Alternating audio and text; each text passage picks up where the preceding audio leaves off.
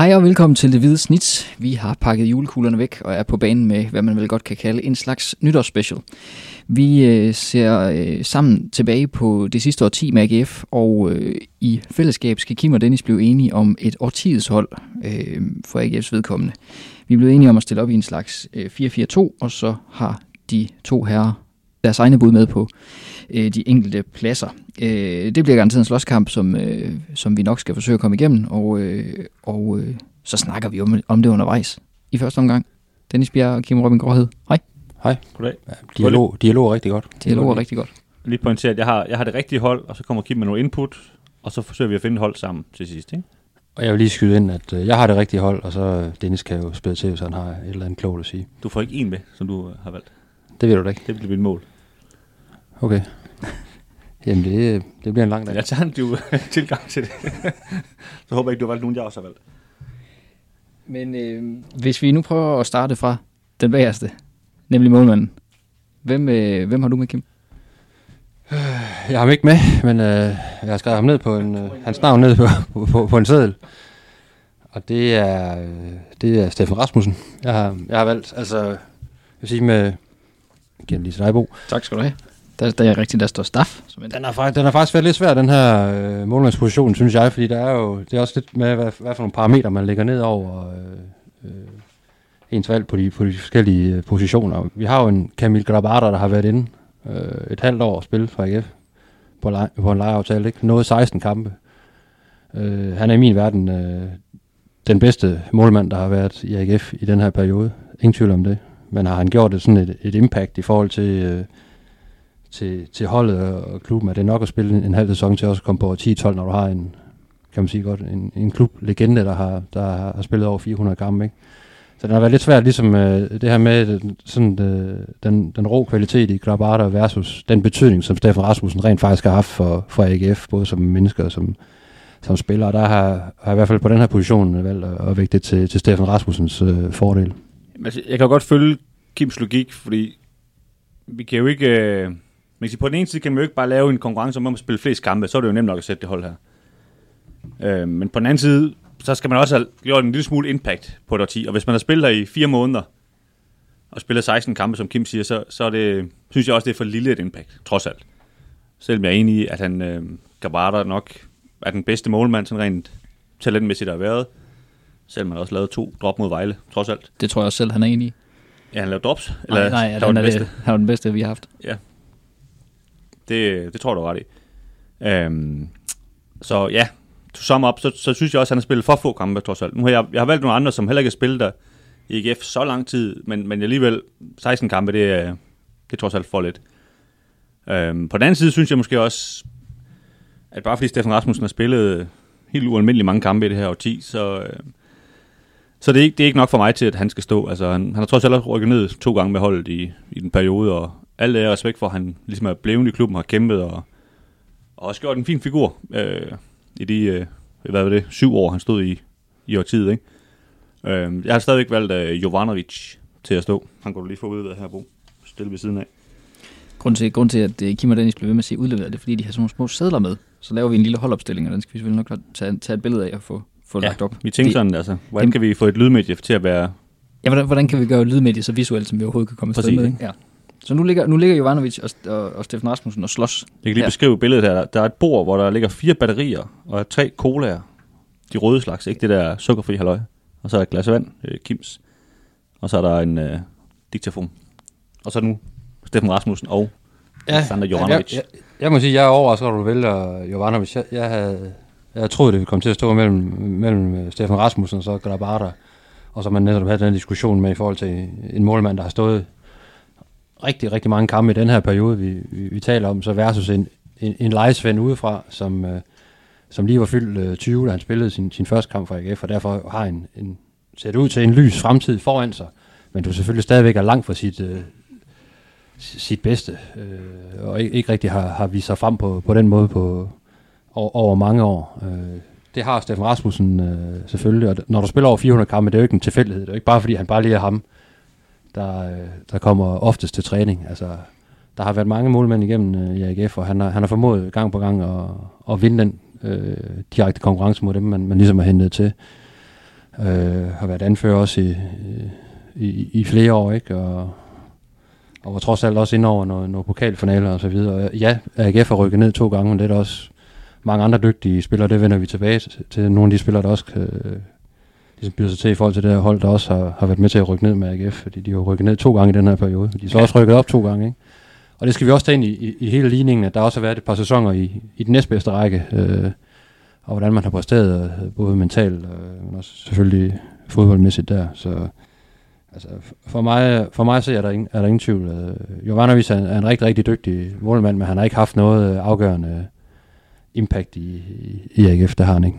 Nej, altså nu... Øh, altså, jeg synes også, det er tæt, lad mig sige det til at starte med, mellem det Stefan Rasmussen og, og Jovanovic.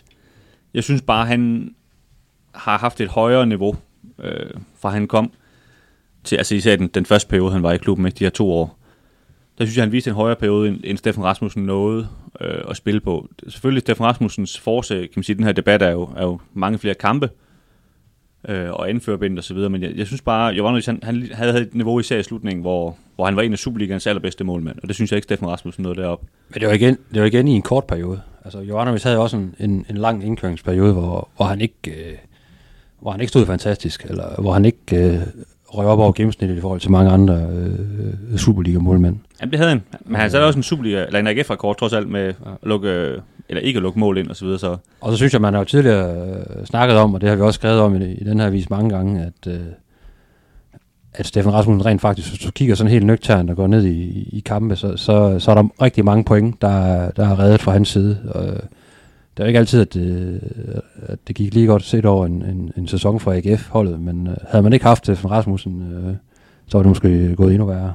Øh, både i forhold til, til, til flere nedrykninger, øh, måske øh, noget oprykning, der var, der var, der var misset øh, for første division. Så jeg kan godt lide sådan, i forhold til det her med, når man skal lave sådan et hold her, så måske lidt, lidt tage den, den amerikanske basket, fodbold, kasket på, ikke? og så ligesom tale om det her most valuable player, altså MVP, og så måske bruge det lidt som parameter.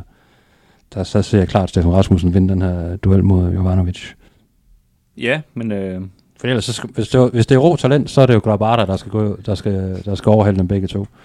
Og der, der er vi ligesom enige om, at 16 kampe, det er ikke nok, hvis man skal være over 10, så ikke F-målmand. Der spiller jo lige en joker på mig der.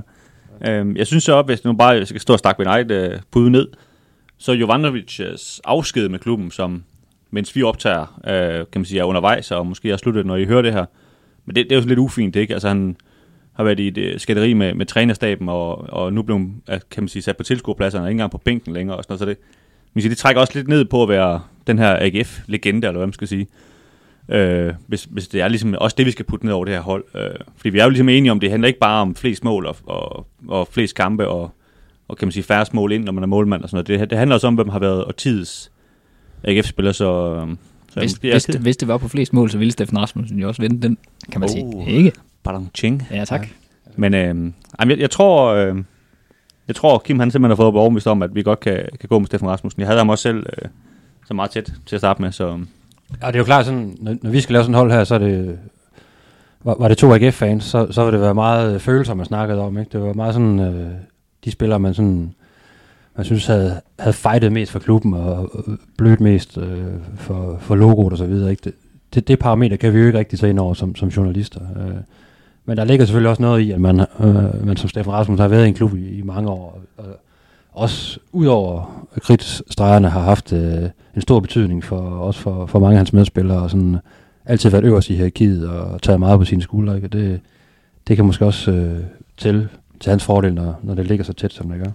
Så vi, vi ender på, det var lyden af Jovanovic-sædlen, der blev krøllet ja. sammen. Vi ender på... 1-0 til Gråhed. På, på Stefan Rasmussen. Øh, hvis vi så går led fremad på banen, så kommer vi jo til øh, forsvarsspillerne. Så skal vi lige teste dig på. Starter man fra højre eller venstre? Øh, jeg vil jo sige, at vi starter i læseretningen. Så fra venstre vel? Det var vanvittigt, Bo. Ja, starter man fra højre eller venstre? Jeg starter altid fra højre. Ja. Jeg starter altid fra højre. Hvorfor? Jamen, fordi så han er fodboldbar. Okay. Han har jo nummer to højre bak. Han har ikke nummer ja, tre. Det er, ja, det er selvfølgelig rigtigt. Det er selvfølgelig rigtigt. Øhm, jeg har taget sådan nogle de her kort med. Jeg har taget, kan man sige, kort med for alle dem, som jeg nu har, kan man sige, jeg vil acceptere, har en plads. Så jeg havde tre målmænd for eksempel. Men oh. på højre bak, der har jeg simpelthen kun taget én mand. Øhm, du kan læse, hvad der står på, så har fået den udleveret der. Der står Dino. Dino Mikanovic. Øhm, jeg synes, når man kigger på de højre bak, øh, Bo, højre, det er den anden side. Højre venstre. Men det skulle, da, det skulle da højere i forhold til... Nej, Nej, det Bo, højre er over den anden side end venstre. Nu er lytterne sat fuldstændig af. Ja, det, Bo, Bo, han bakser lige lidt med højre venstre. Ja, ja. det er for det her bord, som, ja, det er en opstilling på. Anyway, øhm, Det er fordi, jeg ser, jeg ser ikke verden i sådan binært, for, øh, binært sådan, sådan det højre og venstre det hele. jeg synes ikke, konkurrencen er så stor på den her højre bak øh, i det her årti. Altså, Alexander Mungsgaard spiller den jo nu. Jeg synes ikke, han, han er ikke god nok til at komme på det her årti, lige nu i hvert fald. Ung, ung mand. Øhm, Dino Makanovic har spillet den i, øh, i en årrække før ham. Og synes jeg var, var en, en stabil højre bak, som, øh, som havde nogle udfald. Især sådan øh, hissighedsmæssigt, når han øh, slog til stole og så videre. Øh, det trækker selvfølgelig ned, men, men jeg synes trods alt, at han var en, en mand, der var, der var en af sin holds bedste øh, ofte, når, når han spillede. Øh, og så kan man sige, før det har IKF haft nogle øh, Alexander Juhl og så videre, som også selvfølgelig øh, bør nævnes i den her sammenhæng. Men, øh, men ja, jeg synes, jeg synes øh, det er klart, at Dino Mikanovic. Så helt kedeligt, så er jeg fuldstændig enig. Og jeg har også kun øh, et navn. Øh, og det er Dino Mikanovic. Altså, han var, han var tre et halvt år i, i AGF. Og havde egentlig bare en, sådan en stigende kurve. Og han kom fra som, som, som ganske ung og noget urutineret. Og en, en lille vildbasse, der lige skulle, skulle tæmmes til at starte med. Man kunne, godt, man kunne med det samme se det, det var omtvistelige talent, der var i ham. Ikke? Der var noget med noget temperament og noget, nogle kortslutninger over ved pæren en gang imellem, når man spillede. Det skulle lige ligesom... Øh, skulle man lige have af ham, men øh, de sidste par sæsoner, han spillede i AGF, var han, var han rigtig, rigtig solid. Øh, defensivt, øh, som offensivt. Øh, spillede med, med ild altid, øh, også til træning, må man sige. Ikke? Øh, og man kan sige, at øh, netop på den her position er måske den, der er allersvagest af alle på det her år 10-12, altså i min, i min bog. Og det er ikke at forklare dem, der har spillet højre bak, men det, der har ikke... Øh, Men de har ikke været gode. der har ikke været de store profiler. Jamen, det har der ikke. Altså, Alexander Juhl er en, er en rigtig, rigtig solid, øh, dyg, dygtig øh, fodboldspiller, men han brænder aldrig rigtig igennem i AGF. Øh. Ej, han, havde, han havde en periode, hvor han var okay, men, men det er jo ikke sådan, man, Ja, ja, man øh, sådan over et år 10 tænker, hold op. Men hvis du skal sammenligne ham med, med, med Dino Mikanovic, så har han, øh, så har han igen haft en større betydning for holdet i den periode, han har været der. Øh, der har været en Arthur Sorin, som også sådan var lidt...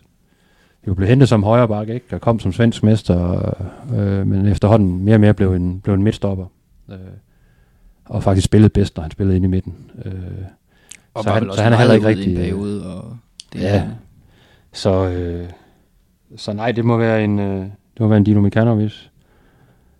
Adam Eggersley var også, også forbi øh, øh, englænder, ikke? Er han ikke venstreback? Han var mere venstreback, ja. Du kan trods alt lidt højere Ja. ja. venstre derovre. Ja, lidt. lidt. Så, så der, er jo, der er jo ikke rigtig mange at, at vælge mellem på den her, på den her øh, højre bak, synes jeg. Så er der David Cortez, som var en, øh, ja. En øh, måske sådan lidt en kult hero, men øh, dengang øh, jeg var i første division med, under Vihorst, men, men selvfølgelig ikke øh, i nærheden af at udfordre Mikanovic. Jamen, øh, så jeg der, har, er vi, der er vi enige på, på højre bak. man kan sige, jeg har en, har en lille... Øh, altså sådan noget her, det er jo også nogle gange, det handler om at få sådan et hold til at gå op i sidste ende, ikke? Det, det når vi til på et tidspunkt. Øh, og man kan sige, hvis vi ikke kan finde plads til øh, en FCK-spiller, så, øh, som hedder Jens Dage, så, øh, så kunne det jo være, at han skulle ned og spille højre bak på et tidspunkt. Øh, fordi han, det gode ved Jens Dage i den her leg her, der, han, kan jo, han kunne da bare sætte, Ja. hvor det skulle være. Så, øh, så det kan være, at vi kommer til at rykke lidt rundt på Dino, men lad os nu se. Inden vi bevæger os ind mod centerforsvaret, så vil jeg lige sige en, en som er enig med jer, faktisk, i, i forhold til valget af, af målmand. Øh, Henrik Fonsmark, han skriver på, øh, på, på Twitter, at, øh, som vi jo spurgte ud, øh, op til den her udsendelse, at, øh, at Steffen Rasmussen, og han, han, det, må være, det må være staff, skriver han, øh, 418 kampe for AGF, der blev indkøbt en del målmænd gennem årene, og han blev flere gange dømt færdig, men han blev ved med at slå dem af, indtil Jovanovic kom, og det tog, det tog øh, staff som en ægte holdspiller, og det er vel også igen den her betydning for, for holdet. Øhm, men lige nu hurtigt videre til midterforsvaret. Ja, og der skal vi selvfølgelig pege på, på to mand. Ja. Så vi har, vi har en hver, ikke? Og jeg tænker, jeg tager det mest oplagte. To mand, bak. Så skal du sige mand.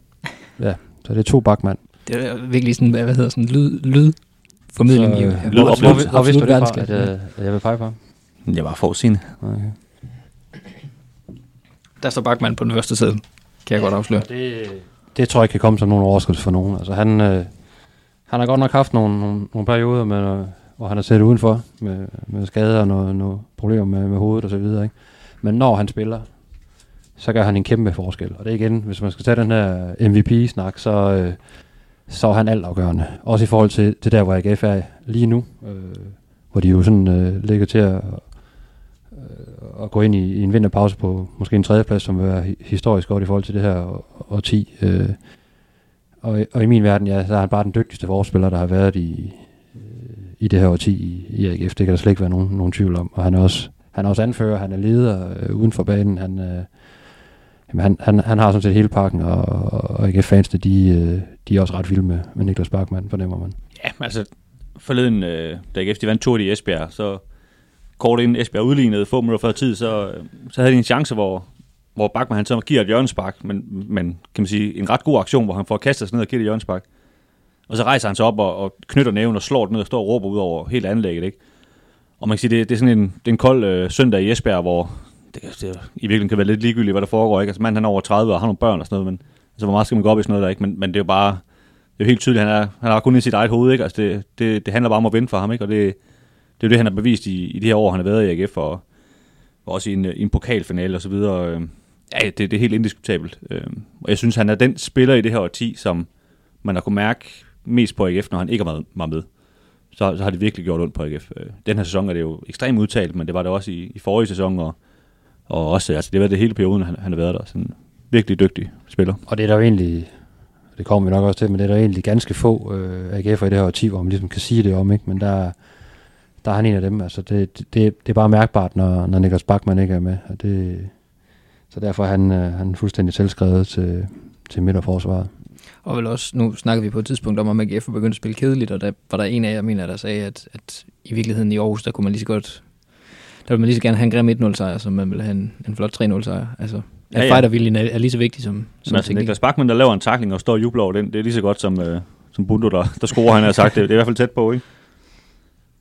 Nå. Så til den anden midterforsvar, som måske ikke giver sig selv på helt samme måde. Ja, det er jo det. Altså, nu nævnte Kim det her med, med højre bak var svagest, øh, og der, der, synes jeg, der synes jeg så måske, at midterforsvaret har været, har været, været svagest i det her år 10. Selvfølgelig Bachmann er en, er en god mand, man skal jo have to mand. Og det er så faktisk skræmmende, når man så kigger ned over de her 10 år, hvor få man sådan tænker, ja, han skal også, han skal være med. Altså, jeg har faktisk rigtig svært ved at finde en, en mand, der skal stå ved siden af... Selvom der har været mange om... Og, og der har været mange, der, der spiller jo øh, øh, åbenlyst årsager to hver gang. Så der har været rigtig, rigtig mange, ikke? Og, øh, og kan man sige, mange også sådan lidt højt besungne, når de kommer til. Altså, Pierre Kanstrup og, og, og Håland og Passerland, og hvad det er, så har heddet alle sammen, ikke? Men, Bjørdal og... Ja, lige præcis, ikke? Altså, han har også fået norske landskampe og så videre, ikke? Sådan, altså, folk med, med fint, fint CV, og, men, men som bare ikke har slået til, ikke? For ikke har været særlig gode. Øh, derfor har jeg ligesom jeg har, jeg har tre, jeg ligesom har i, i spil til den her. Den ene er lidt en, en joker. Så skulle du bare bestemme dig på et eller andet tidspunkt. Øh, vi, har, vi har Mark Howard, som, øh, som jeg synes var en, var en rigtig god fodboldspiller. Og i øvrigt opdraget i Manchester United. Det gør jo ikke uh, tingene dårligere. Men han, øh, han blev jo skadet kan man sige, i starten af tid, og, og spillede faktisk ikke ret mange kampe i, i det her år 10. Øh, så jeg synes, han, han, han har gjort et for lille impact, eller hvad man skal sige, på, for ligesom at blive, blive valgt hertil. Men jeg synes, han, han fortjener at blive nævnt trods alt. Så har vi øh, Josip Eles, Han spillede 25 kampe i en, i en enkelt sæson, var jo kun lejet i Lazio, mener jeg. Øh, meget, meget stærk øh, kroat, som, øh, som også var en kvalitetsspiller, og spiller i Bundesliga nu. Altså, han spiller vist i anden Bundesliga nu, men har spillet i Bundesligaen senere. Og, altså en, en god spiller, som ligesom, lidt ligesom Grabata måske, man ikke, måske ikke kan komme i nærheden af, hvis man ikke leger ham. Så og som også kunne noget teknisk, som jeg husker det. Så ja, men han, øh, han spillede jo sammen med Bachmann. Det, det er utroligt at kigge mål ind på det tidspunkt, men øh, nu måske Steffen Rasmussen stod på mål, Kim. du vil ikke forsvare din, øh, dit målmandsvalg. Er vi enige om, at vi i fællesskab har peget på Steffen Rasmussen? du skal ikke trække den der ned over mig. Det var, du sagde 1-0 til Kim, ikke? Dengang du valgte ham. Ej, til gråhed, så ja. Men, øh, men vi valgte faktisk faldet på, øh, på Jens Jønsson. Og jeg ved godt, det kan være sådan lidt... Øh, man husker ham måske ikke som, som forsvarsspiller, og han vil i hvert fald ikke selv huske som forsvarsspiller, jeg er sikker på. Han, øh, han var jo rødglødende raseri, hver gang han, øh, fire år sagde, at han skulle spille forsvar, men han, han gjorde det rent faktisk godt i forsvaret, hvor han jo øh, spillede en stor del af den her første divisions sæson. Øh, og han gjorde det godt. Øh, man kan sige, han, han kom også op på midtbanen senere og gjorde det også godt der og blev solgt videre og sådan noget, men, men jeg synes, øh, ligesom i lys af, at, at der ikke har været ret mange andre gode præstationer, så, øh, så trækker jeg faktisk ham ind. Så Bo, værsgo. Tak. Det er rimeligt. Hvad med en uh, Anders Kure? Ja, hvad med ham? Ja, hvad med ham? Han spiller mange gode kampe. Jamen, er, det sådan noget, er det sådan noget, altså, ud, hvad hedder det, U17-træner, der, der kun tager spillere, der er opvokset i AGF, øh, vi er ved at lave, Nej, eller hvad? altså, der skulle spillet der nogle, nogle, nogle, nogle rigtig, rigtig gode sæsoner for AGF. Han var ikke øh, verdens største talent, det har han aldrig været. Men han, øh, han fejrede jo røven ud af bukserne, og, og var jo også anfører øh, i de sidste sæsoner, han, han var i klubben. Så øh, han, er, han er, skal da i hvert fald også være med i puljen, tænker jeg. Øh, så er jeg enig med, med dig i, at øh, der har været rigtig mange ind omkring, øh, ind omkring de her positioner. Også store navne, en, en Petri Passanen, som har spillet i Ajax og så videre, ikke? som jo aldrig faldt til rigtig i AGF. Selvom alle var enige om, at han var en fremragende forsvarsspiller, men øh, blev heller ikke rigtig til noget med ham. Og, og, og Bjørdal, som vi også har snakket om, ikke? Øh, Norges landsholdsspiller, der, der heller ikke rigtig kunne, kunne, kunne finde sit spil. Øh, Var det, var det ikke passende at falde igennem sit drivhus, eller hvad det var? Og så blev han sk- skadet. det, kan så godt være. Jeg tror, det var der, hans karriere den sluttede. Han lå og rodet med et eller andet ude i, i, i baghaven. der. Rosenbøde der. Øh, Jeg savner lidt Daniel Situ i al den her snak. Ja, ham skulle lige til at nævne, men øh, skulle da ikke på årtiets hold. Han var en flink fyr, og, og kunne også lidt her og der, og havde været forbi Manchester City, sådan som jeg husker det, men, øh, men endnu en af de her spillere, der, der måske kom med et, med et fint CV, og, som man forsøger at tage lidt op, men som, som reelt ikke, ikke rigtig kom til at fungere i, øh, på Fredensvang og, og i kampene. Nå, øh, jeg, jeg er nødt til at fække lidt med dig, for jeg har slet ikke øh, Jønsson inde i, i mine overvejelser, selvom jeg anerkender, at han... Øh, han har gjort det godt, ligesom Jens Dage også har gjort det fornuftigt i de kampe, han fik øh, som midtstopper. Øh, øh, Men du vil simpelthen hellere have Anders Kure til at spille midterforsvar? Nej, jeg vil hellere have øh, Josef Elis. Okay. Og så går jeg selvfølgelig lidt imod øh, det parameter, jeg havde på målmandsposten. Øh, men, men det kan man jo godt. Man har et standpunkt til, at man tager et nyt. Ja, for de 25, det er jo langt flere kampe end, end 16. ja. Men, men her, netop fordi det er så tyndt besat, øh, så, så går jeg med Josep Elis, simpelthen fordi han øh, i, i råt talent øh, var, var over Superliga-niveau. Det var alle enige om, da han var her. Øh, han øh, var ikke altid lige god til at forsvare, nej, det var ikke alle kampe, han var, han var lige stærk, men, øh, men med bolden var han jo fuldstændig overlegen. Øh, både til træninger og i, i, i, i kampe, og, og et markerpar med ham og Bachmann, det, det, det kunne også have set godt ud i dag, ikke? Øh, de to. Øh, så den har stået lidt øh, i min verden mellem Eles og, og, og Kure, og da det ikke kan være KF'er dem alle sammen, så er jeg så, så gået med, med den unge jeg kroat her. synes, hvis vi bare lige skal lukke det ned, jeg, jeg synes Kure, han, han fortjener at blive nævnt, det er du ret i, men, men jeg synes heller ikke, han skal være med, fordi jeg så mere Kures øh, kan man sige, storhedstid som i AGF, som at AGF blev så dårlig, at der var plads til Anders Kure, end han blev så god, at, at han kom på kan man sige, et godt Superliga-hold. Ikke? Ja, men der var faktisk perioder, hvor, hvor man netop, som vi, vi snakkede om tidligere, øh, hvis Anders Kure ikke var med, der var en halv sæson, hvor man ligesom, hvis, hvis han ikke kunne spille, så var man på røven, ikke? Vi mangler Anders Kure, øh, når, de, når de snakkede om det derude. Jamen, så, øh, så stod man netop med, med hænderne ude, hvad fanden gør vi, ikke? Altså, og det er jo, som du så også siger, det er måske også et udtryk for manglende kvalitet i, i, i truppen generelt, ikke? Øh, men han, øh, han fik i hvert fald pumpet sit talent til det yderste, kan man sige, da han var i AGF. Jamen, det gjorde han, de- al respekt år. for det, og, og ligesom med Steffen Rasmussen, altså al respekt for den, de mange, mange år, også ud over tid, som han, han er givet til AGF, altså det, der, der skal slet ikke snakkes ned om det. Øhm, jeg synes, Jønsson, når, når vi kigger på det her over 10 her, så, så synes jeg, at Elis trods alt er en parentes. Du siger selv 25 kampe, ikke? Altså, jeg synes, det er, det, det er meget lidt. Og jeg ved godt, at det så var en, blandt andet et godt forår, hvor, hvor man var i pokalfinalen og sådan noget, som, som kan sige, stå, selvfølgelig står stærkere end, end bare lige et enkelt forår gør. Men jeg synes, Jønsson er, er mere en mand, man husker tilbage på, eller jeg husker tilbage på, når man sådan kigger det her over, der ligesom har, har tegnet AGF og, og var en profil og kom fra ungdomsafdelingen, og man kunne sælge ham videre som en af meget, meget få i den periode og så videre. Det, det synes jeg, det, det synes jeg, det, han, jeg synes, han fortjener at være med. Men du ved godt, at han bliver rasende over at komme på 10-12 øh, som midtstopper. Ja, som midtstopper, jamen det er jo derfor, vi han kommet på han, dernede. han vil hellere være det foruden, øh, hvis, hvis det ikke kan være som total midtbane. Han kommer bare. Der han var nogle fægterier der med, med, med en cheftræner dengang, ikke, omkring hvor han skulle spille. Og han så sig, så sig selv som central midtbanespiller. Det, det var ikke altid, træneren gjorde det. Det gjorde han, og, og, altså, og der vil jeg også godt sætte ham på, hvis det var, men det kommer vi jo til senere, men, men der kommer han trods alt ikke på. Altså der, der er der nogen, der har været bedre. Så hvis han vil spille, så må han være midterforsvar.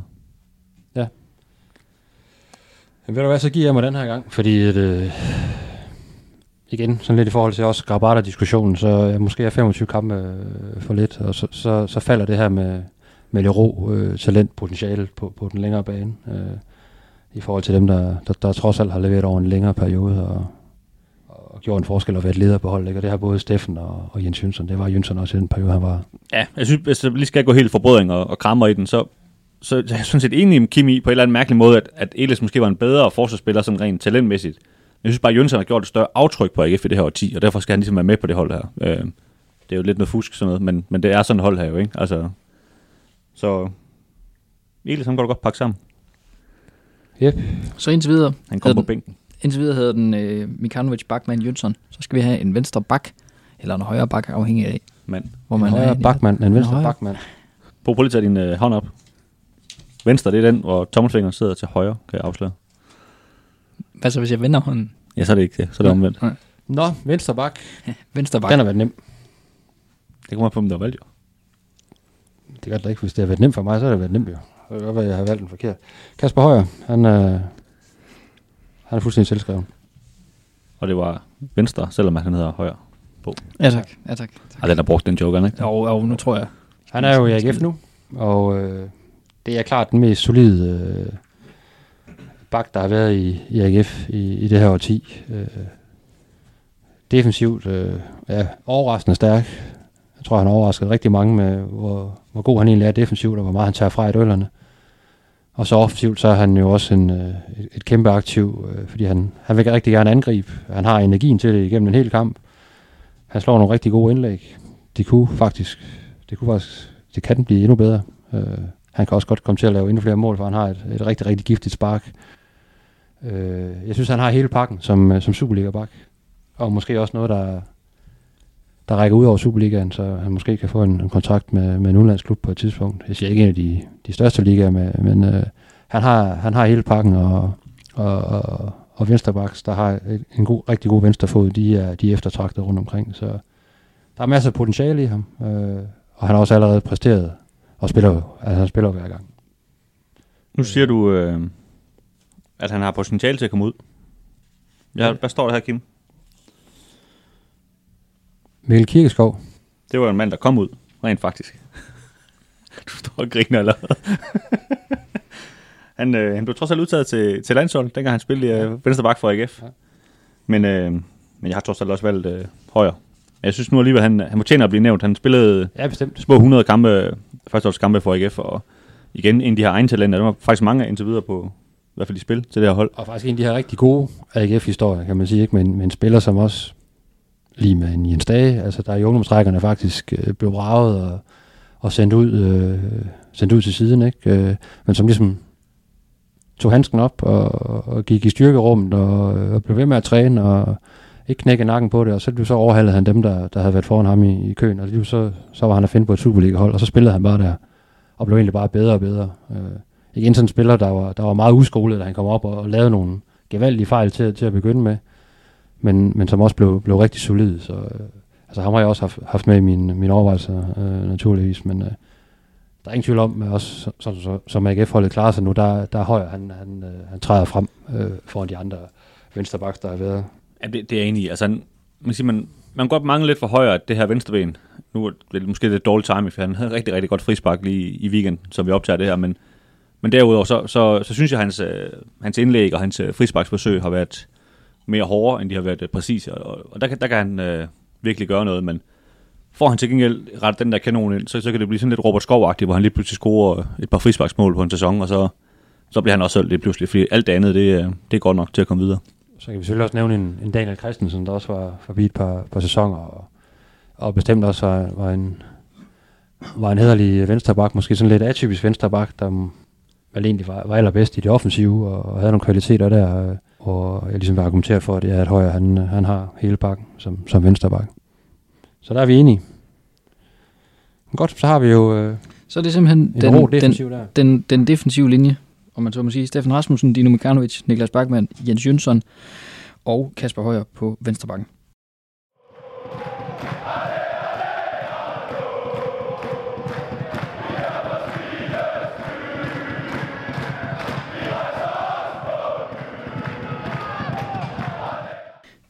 Op til, det her, øh, til den her udsendelse, der spurgte vi som sagt ud på Twitter efter årtidets øh, profil, og øh, der var en del, som vi jo nok havde regnet med, øh, ville, ville dukke op i den afstemning, men, øh, Men der var også en, der kom lidt bag på os, fordi der var faktisk en del, der svarede Jakob Nielsen. Øh, blandt andet Torben Timmermann, han skriver, med ham i spidsen har AGF fået styr på økonomien, investeret tungt i ungdomsarbejdet med øh, samt træningsfaciliteter, skabt nye oplevelser og aktiviteter på stadion, samt øget det sportslige budget år for år. Øh, og når jeg så har han skaffet Aarhus et rigtigt fodboldstadion. Øh, og Martin Nielsen, han skriver så, og det er faktisk hele administrationen, han skriver, at øh, øh, det skulle hele holdet bag holdet, som har leveret et eminent turnaround. Jeg kan ikke spotte nogen grene af vores organisation, som halter efter øh, FCK, Brøndby, FC Midtjylland, og slet ikke når øh, akademiet står, øh, står færdigt. Øh, og sådan er der flere, der, øh, der giver Jakob Nielsen en stor del af æren for, for der, hvor AGF er i dag. Øh, hvis nu vi skulle have haft en med uden for banen også, skulle han så have været... Ja, han skulle da i hvert fald have været den bedste direktør, hvis vi også øh, mm. kårede dem. Uh, vi har faktisk træner med, også det sidste. Uh, selvfølgelig, men, men, men jeg, altså det kom lidt bag på mig, at folk svarede sådan, fordi vi, vi tænkte kun sådan fodboldmæssigt, men, men øh, det er en rigtig god pointe. Altså han kom jo til i 14, og, og selvom der selvfølgelig har været sådan lidt øh, rutsjebanetur på vejen, så, så står AGF jo et helt andet sted nu, end de gjorde dengang. Det må man, det må man bare give Jakob Nielsen. Altså deres, øh, deres regnskaber står rigtig godt, har gjort det i et par år. De, øh, de har solgt nogle øh, fodboldspillere for mange penge, og de ligger nummer tre i Superligaen. De øh, har fået lovning på et nyt stadion, som ser ud til at blive til noget. Ikke? Og, ja, man kan jo næsten ikke finde nogen, nogen kritikpunkter, vel? Så, så det er jeg selvfølgelig enig i, det er, det er det enestående arbejde, han har leveret. Jamen, jeg er helt enig. Altså, hvis, hvis, hvis en AGF-profil er, er sådan hvor den brede vifte, så, så peger pilen også på, på Jakob Nielsen, fordi det, det er lidt af et turnaround, øh, øh, klubben har, har leveret med, med ham ved roret, ikke? Øh, med sorte tal og, og alt det, Dennis lige har, har, har listet op, og også bare med infrastrukturen i klubben, med nyt klubhus og jamen, rigtig mange ting, øh, som er iværksat af flere, men, men med, med, med Jakob Nielsen som, som bagmanden og styrmanden på det. Ikke? Øh, der, der er virkelig sket noget der, og så kan det godt være, at det er en, det er en mand, man, man kan slå sig lidt på en gang imellem, ikke? men det er også en del af, af det, der gør ham til, ham til en dygtig direktør, i, i min verden i hvert fald, at øh, han, han vil noget, og så, øh, så er albuerne lige ude, og det, det har været godt for AGF i hvert fald. Ja, det har det. Altså hvis, hvis man tænker tilbage på, på de her seneste famøse 20 år, hvor, hvor det jo ikke er gået så forfærdeligt godt, så, så er det jo startet derfra mange gange, at, at der ikke har været styr på, på, på bestyrelsen og, og på, på direktionsgang og så, og så kommer det ligesom ned, og så får du heller ikke et godt hold og en god træner osv., og så, så man kan sige, det, det, er jo dem, der er ude på, på fodboldbanen, der får skylden og, og ser dumme ud, men, men tit så, så er problemerne startet et helt andet sted, og det, øh, det kan man sige, det har Jacob Nielsen bevist på en anden måde, at, at han ligesom har løst mange af de problemer ved at, at gøre sit arbejde ordentligt deroppe fra. Men nu selvfølgelig det, vi mente med, da, da vi skrev det ud, det var selvfølgelig AGF-profil, det var i forhold til det, det sportslige, det går, vi skulle have har skrevet det endnu mere klart ud, men... Øh... Ja, men der, var, der er så også mange, der har svaret på det sportslige, så den kan vi læse op lige om jo. lidt, ikke? Men, øh, men øh, skal vi ikke gå videre til midtbanen først? Midtbanen. Jo. Fire mand på, på midtbanen, og vi starter fra, fra Højrebo. Ja, tak. Er det min tur til at starte, ikke? Du skulle lige til at starte, men øh, jeg tror, det er min tur, Kim. Det er rigtigt. Nu skal jeg jo lige til at forberede mig. Der stod Stefan P. på det første kort. Det er jo hissigt valg. Og Jakob Poulsen står der, og så står der Mustafa Bundo. Det er de tre, jeg ligesom har tænkt. Det er jo også de tre, øh, der, kan, der kan komme i spil. Det er det, ikke? Øh, Jakob Poulsen, han er, han, øh, han er jo klart den bedste fodboldspiller, de tre der. Øh, en mand, der har vundet et par mesterskaber med FC Midtjylland og spillet, jeg ved ikke, hvor mange landskampe. Men for det første, så, så spillede han jo langt det meste af sin tid i AGF før det her år 10.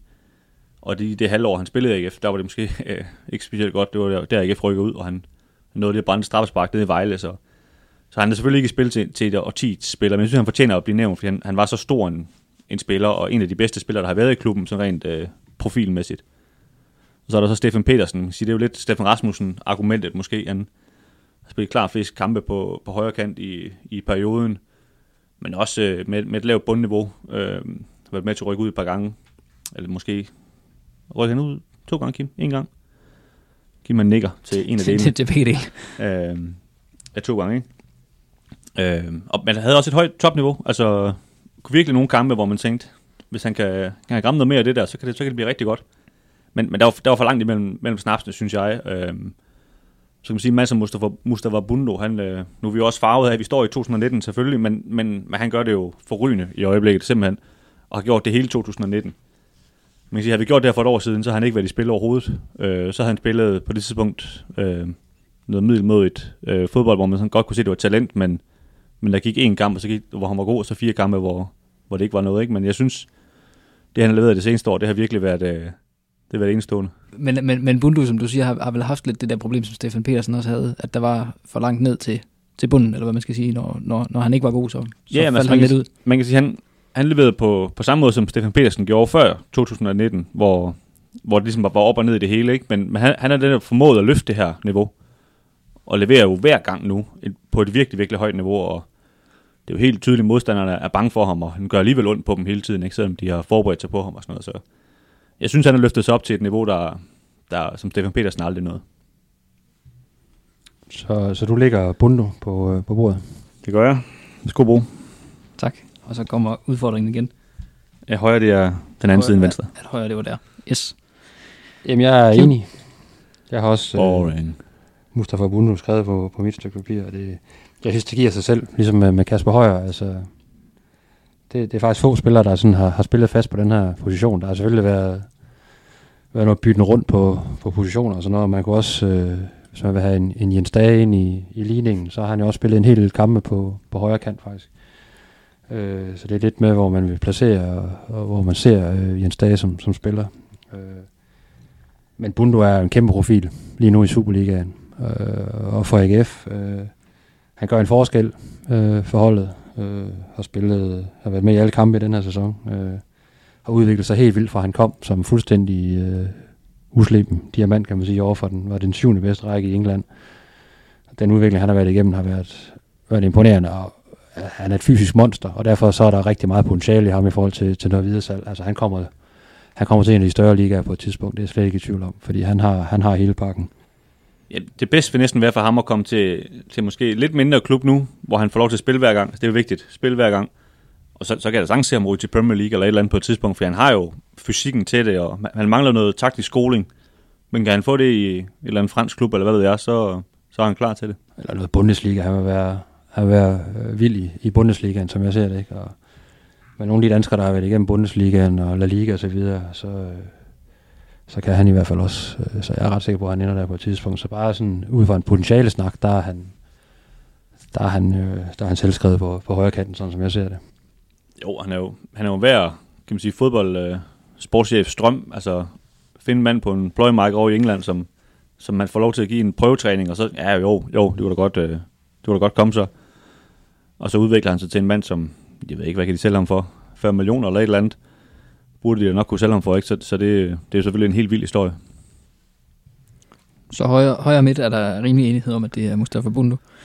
Nu øh, kommer vi jo så ind på den centrale midt, hvor der jo har været lidt mere trafik. Ja. Eller hvad man skal sige, lidt flere spillere at vælge imellem. Og der kan man jo selvfølgelig øh, lege lidt med brækkerne, som man siger. Øh, man, kan jo, man kan jo tage en typisk øh, sekser, og så en, en lidt mere offensiv midtbane foran, eller man kan have to sidestille. Eller det, det, det er i bund og grund øh, lidt ligegyldigt, men øh, den første jeg har, og jeg, jeg vælger igen det sikre kort til, til at starte med, så, så Dennis kommer ud og hænge på den anden. Det er, det er Martin Jørgensen, og, ham kan man ikke komme udenom på, på en af de, de to centrale midtbanepladser øh, pladser der øh, kom tilbage til, til AGF i, i, i 10, og så, ja, han har vel været i halvdelen af, den periode her i det her år 10, ikke? sluttet i efteråret 14, er det ikke rigtigt? Endnu en mand, der skal roses for at rykke ned to gange. Ja, ja, men det, det er fremragende. Men hvis du ser sådan rent øh, på de spillemæssige kvaliteter, og, og så er han jo inde omkring landsholdet stadigvæk, ikke? Øh, også i en sen alder, øh, der, der er der ingen tvivl om, at han er, han er en af de to bedste centrale midtbanespillere, der har været i det her år 10. Det, det, det, det kan man ikke engang diskutere. Det er sjovt, du siger det, at man ikke kan diskutere det, for jeg synes faktisk, jeg var sådan lidt kæk ved at, ved at vælge ham. Men, øh, men det så kækt, at det så åbenbart heller ikke været. Øh, Nej, det synes jeg ikke, der er. jeg er selvfølgelig helt enig. Altså, jeg, jeg synes jo, det der trækker ned, kan man sige, det er jo det her med, at han har været med til at rykke ned to gange. Det, det, det er selvfølgelig lidt en plet på hans øh, kan man sige, karriere i AGF, men, men jeg er jo helt enig med Kim derudover. Han, han var jo enestående i, i perioden, den tid han spillede i AGF, hvor han jo også altså, gjorde det så godt, at han rent faktisk blev udtaget til landsholdet igen, selvom han har sagt, at han ikke vil spille på det mere og sådan noget. Så, øh, så ja, vir- virkelig, virkelig dygtig spiller, og det var jo meget åbenlyst, at han var, kan man sige, rent talentmæssigt bedre end alle andre, øh, han spillede sammen med. Men han var selvfølgelig blevet lidt gammel til sidst, men øh, virkelig, virkelig dygtig fodboldspiller. Jeg tror, han, han trak i den, i den positive retning i forhold til, til det hold, der var i, i starten af det her år 10. Ikke? Ja, ja, helt sikkert. Øh, han kom jo også midt i en sæson, kan man sige. Den første sæson, de, de, de rykker ned, øh, stempler han ind i, i, vinterpausen. Ikke? Øh, der er det måske også svært, selv for en, for en spiller, der har, der har været rigtig mange år i, i Serie A, ligesom at, at gøre en kæmpe forskel. Øh, så, øh, men sådan på ren fodboldmæssige kvaliteter, der, der, der, var han, der var han ret unik som fodboldspiller, også selvom han, han selvfølgelig blev, blev lidt gammel de, de sidste år af sin AGF-karriere. Men han, han, han, han blødt for det og, og, og ville rigtig gerne AGF. Og, øh, og, øh, og ja, og var, som den siger også ind omkring landsholdet, så det, det, det giver sig selv, synes jeg. Ja, så en marker til ham. Altså, jeg synes, det, her, det bliver lidt svært faktisk, fordi man kan sige, med sådan en mand som Bunde, nu snakker vi meget om, potentiale med ham. Vi, vi ved jo ikke, hvordan hans historie ender, men, men nogle af de andre her, for eksempel Martin Jørgensen, der ved vi jo, hvordan hans historie ender, og, og det gør det lidt, nogle gange lidt nemmere at, at dømme de her spillere, og man kan sige, for sådan en mand som Kasper Slot, der er det jo måske lidt negativt, vi ved, hvordan det ender. Fordi havde vi stået her i, ja, hvad ved jeg, 2013, eller hvornår han var på toppen, så har vi snakket om ham ligesom Bundo, øh, at vi snakker om Bundo. Han var vel inde omkring landsholdet, faktisk ja, på det han spillede 10 landskampe eller sådan noget, ikke? og spillede på Wembley øh, mod England, og, og, og så videre, ikke? Altså, det, virkelig øh, voldsom, øh, voldsom hvad det, niveau, han, han, han lige pludselig havde, og gjorde det også godt for AGF. Øh, blev så også solgt, da, da klubben rykkede ned, og, og, og man sige, folk kender godt hans historie derfra, altså gået fra, fra klub til klub, hvor det blev værre og værre, og nu er han oppe i, i Skotland, hvor han har fået en pokalkamp, hvor han kom ind i pausen, da de førte 2-0, så jeg, mod et eller andet lavere rangerende hold. Altså, det er jo en, en frygtelig karriere, han, han simpelthen har haft efterfølgende. Øh, og men, det, det, det, påvirker nok mig lidt, at jeg ved, hvordan det gik. Øh, jeg har svært ved ligesom at se, kan man sige, alt det gode, han gjorde for AGF, det gjorde han virkelig i det her, det her årti. Så derfor har jeg ikke, øh, har ikke valgt ham, men jeg synes, han, han fortjener at blive nævnt, trods alt. Øh, så er der to tilbage, synes jeg, som sådan, som virkelig er i spil. Øhm, I hvert fald, fordi jeg har valgt en ude på venstre kant, som også ellers havde været i spil. Men øh, den ene er Danny Olsen, som, øh, som jo startede forrygende i AGF. Han var virkelig, virkelig god. Men det gik, øh, gik ret hurtigt ned ad bakke, og da han så, øh, da han så ved det, da AGF rykkede ned, der, der, der skete et eller andet. Altså han, det, det, det var der med, han, han kan man sige, AGF rykkede ned i det, han kunne blive mester med FC Midtjylland, og jeg tror, han, han havde svært ved at acceptere den der skæbne, der var, der var, der var faldet på ham, og ja, og han, øh, han, han var ikke den samme spiller med, og, og man siger, det, det, det, han, der var for mange dårlige kampe efterfølgende, og for mange svage kampe, og, og den, den fæs ud, den karriere der. Så jeg har valgt... Han er vel også med at sidde på bænken i, jo, lige præcis. i en lang periode i første division. Det gjorde han. Øh, så jeg har valgt øh, endnu en, der spiller nu, øh, Mustafa Amini. Jeg synes, han har, han har været en spiller, der, der virkelig har præget AGF øh, de, øh, de seneste år. Øh, kom han i, var det 16, Kim? 2016. Kim han reagerer overhovedet ikke længere. Kim reagerer overhovedet ikke på det, men han kom i 2016 og har været fastmand lige siden, og har, har været en, en rigtig, rigtig vigtig del af, af det her AGF-hold, som øh, selvfølgelig har kørt lidt op og ned øh, i perioden, men, men han har altid været en af de bedste, så jeg synes, han er svær at komme udenom, men du kan jo forsøge, Kim. Jamen, det er jo, altså med, med central midtbanespillere, der er jo, der er jo rigtig, igen rigtig mange, der har, der har været ind over. Øh, man kan også nævne en, en Kasper Poulsen, som var, kan man sige, bundsolid, ikke? Øh, også i en, i, en, i en svær periode, men man spillede rigtig, rigtig mange kampe, og igen lidt den der, der var i perioder, øh, hvor han nærmest var, var selvskrevet til, til startopstillingen, fordi øh, den måde, man spillede på på det tidspunkt, der, der skulle man bare have Kasper Poulsen med, ikke? Øh, som oprydder øh, på midtbanen. Ikke? Det, er jo, det var mest i, i kraft af hans defensive øh, kvalitet og hans, hans løbestyrke, at, at, at han spillede så mange kampe, ikke? fordi offensivt var der, var der, var der nogle, nogle mangler. Ikke? Øh, der har også været en Benny Feilhaber ind omkring, øh, som man også godt kunne tage med. Altså, også en spiller, der kunne spille forskellige pladser, men, øh, men altså også spillet, spillet VM for, for USA, og også sådan i, i, i råt talent er en af de bedste spillere, der har været i det her årti. Altså, han har så måske fokus på alle mulige andre ting, øh, og, og lave alle mulige ting uden for, for banen, og, og snakkede jo i et væk, ikke? Øh, så havde han koncentreret sig lidt mere om at, at levere ind på banen øh, med et højere bundniveau, så havde han måske været endnu mere spil til, til den her plads. Øh, der har været en Daniel A. Pedersen også, også en rigtig solid øh, spiller. Øh, en Kasper Slot, som du også nævner, ja. Men igen, ja, man er nok lidt påvirket af, hvor, hvordan karrieren ligesom har, har formet sig, fordi der var et par sæsoner der, hvor han var rigtig, rigtig god med de andre unge, øh, Skjerlats, øh, Aron, øh, Johansson og så videre, ikke? Og de jo faktisk leveret en femteplads under, under Peter Sørensen, øh, som jo, må, må man sige, er godkendt øh, i forhold til de andre placeringer i det her årti. Det er jo det, det, er det bedste indtil videre. øh, jeg tænker også, altså Namini har jo også, øh, har jo også højt på listen. Øh, jeg vil byde ind med, med Jens Dage, for vi er nødt til at, øh, at få Jens Dage ind på det her hold på en eller anden måde. Ikke? Og jeg ved godt, han har jo stort set spillet alle, alle positioner. Og vi kunne have brugt ham som højre bak, som midtstopper, som højre midtbane. Øh. Hvis vi har talt den der indendørs turnering med, kunne vi også have brugt ham som målmand. Ja, præcis. Ikke? Og han har også spillet, øh, jamen, han har også spillet helt frem som, som angriber i en, i en periode. Ikke? Men han har spillet samtlige positioner. Ja, øh, men altså han spillede... Øh, det han så måske kan falde på, det er jo, at han, han har ikke spillet så mange positioner på den centrale midtbane. Øh, det er egentlig kun øh, foråret, inden han blev solgt til, til FCK, han spillede fast der. Og det var ikke engang hele foråret. Altså, det var egentlig først sådan de sidste kampe i grundspil, og så ind i, øh, i det her nedrykningsspil og så videre, og playoff-kampene, at han, øh, han satte sig fast på den her centrale midtbane, og ligesom blev styrmanden. Øh, ja, han var til gengæld også så god i den periode. Ja. Altså, jeg husker en kamp op i Aalborg, hvor jeg bare sad og tænkte, men, altså, han, han er jo for god til at være i AGF, og det var han jo så også åbenbart. Ja, altså. præcis, og det er jo også det, altså det, det er jo derfor, øh, FCK har hentet ham. Det er, fordi han skal spille den her centrale midtbane. De kunne virkelig se noget, noget kvalitet. Og han gør det også habilt derovre nu, faktisk. Ja, ja, han, han har jo egentlig spillet overraskende meget, synes jeg. Ja, de har haft nogle skader også, men, men ja, han har spillet rigtig meget. Så, øh, så det er igen det her, skal han falde på, at han måske kun har spillet de her øh, 10-12 kampe fra start på den centrale midtbane, men, men der, er, der er også, så det i det, at han så også har spillet rigtig godt på, især højre midtbane i, i mange kampe, og egentlig også gjort det UK ud fra svære forudsætninger som, som angriber. Hvis, hvis, vi lige, hvis vi lige skal tøve lidt, for jeg synes, en dag han skal være med, med på det hold her. Men jeg synes, det vi skal diskutere, det er, hvor han skal spille hen. Øh, så måske vi lige skal være lidt passive og lige parkere ham ved siden af Mini, og så kan vi lige øh, snakke lidt videre, for så, så tror jeg, det, det er måske lidt nemmere at få til at falde i hak. Men skal han på hold, så skal han jo på hold nu. Jeg, jeg hører lidt, at Dennis han måske har ham, har ham et andet sted på banen end lige her. Okay. Øhm, ja. ja. Jamen altså, hvis vi går videre til venstre kant, og, og jeg det, har, kunne det være på venstre kant, du havde? Ja, og, og jeg ved godt, man, det er måske nærmest det, det sted, han har spillet allerfærrest, og så derudover som målmand øh, kampe. Men, men det er sådan for at få det til at gå lidt op også, for jeg, jeg synes, at Mini også fortjener at være med. Øhm, og Martin Jørgensen også. Så jeg, jeg synes, der, der, der er rigtig meget kamp om pladser. nu sagde jeg det her med, at midterforsvaret var det måske der, der var færrest, øh, den centrale midtbane nok der, der står allerflest i kø. Altså Jens Jønsson står i virkeligheden også i kø der og sådan noget, ikke? så vi har parkeret nede på forsvaret. Øh, så derfor har jeg placeret øh, stadig ude på venstre kant.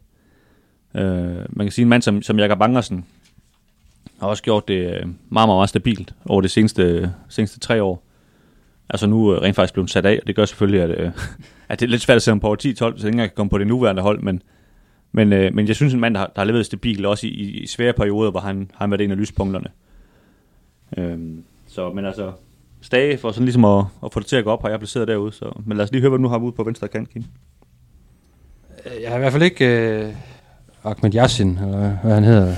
Den irakiske Ham har jeg faktisk under bedste overkrop. Den irakiske Ronaldo, ja.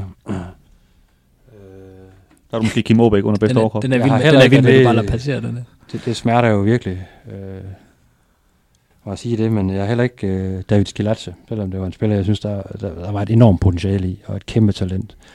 Men han brød aldrig rigtig igennem lydmuren i, i AGF, øh, så, så ham kan det heller ikke blive. Altså, I min bog, der, der står det mellem to spillere, det er Elmar Bjarnersen, den ene, en god islænding, der også øh, har spillet VM for Island, øh, og ja, også havde sin udfald, men øh, hvem har ikke det, øh, som AGF'er i, øh, i den tid, de har været i, i, i klubben, men han, øh, han, var, han var vigtig i en, i en periode, øh, og, øh, og lavede også nogle, nogle vigtige mål, og, og, og hans energi og hans, øh, hans lyst til at, at være i det, kunne man i hvert fald ikke øh, forklare. Han var en fed spiller, ikke? Altså. Jo, jo. Altså, der, var, der var så meget ild i ham, øh, og det tror jeg også godt, at AGF-fans egentlig kunne se. Øh, og han røg så videre til, og det tyrkiske fodbold, hvor, hvor det måske er gået, gået mindre godt. Ikke? Han har også stået på det islandske landshold, men der var, der var virkelig noget power i ham. Øh, det kunne man også se, da han, da han spillede i, i Randers tidligere. Så, øh, man kunne også tage en øh,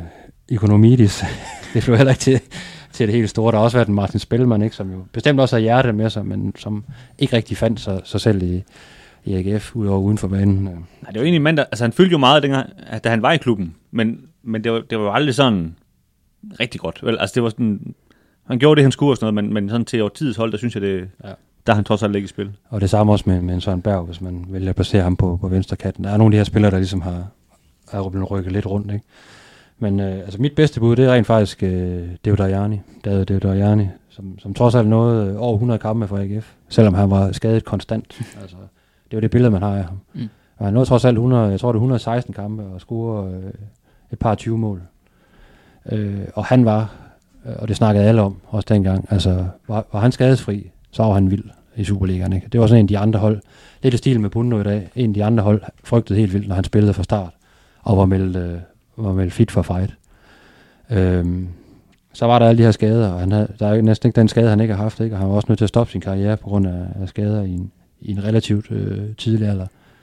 Men øh, hvis, hvis parametret her er sådan øh, talent, og hvad det, hvad det kunne blive til, og, og hvordan han egentlig spiller, når han toppede, i de kampe, han toppede for AGF, der var han helt vild. Jamen, så, så, vil jeg, så vil jeg faktisk gå med, med ham på, på venstre kanten. Også bare for at få en Georgia ind på, på holdet.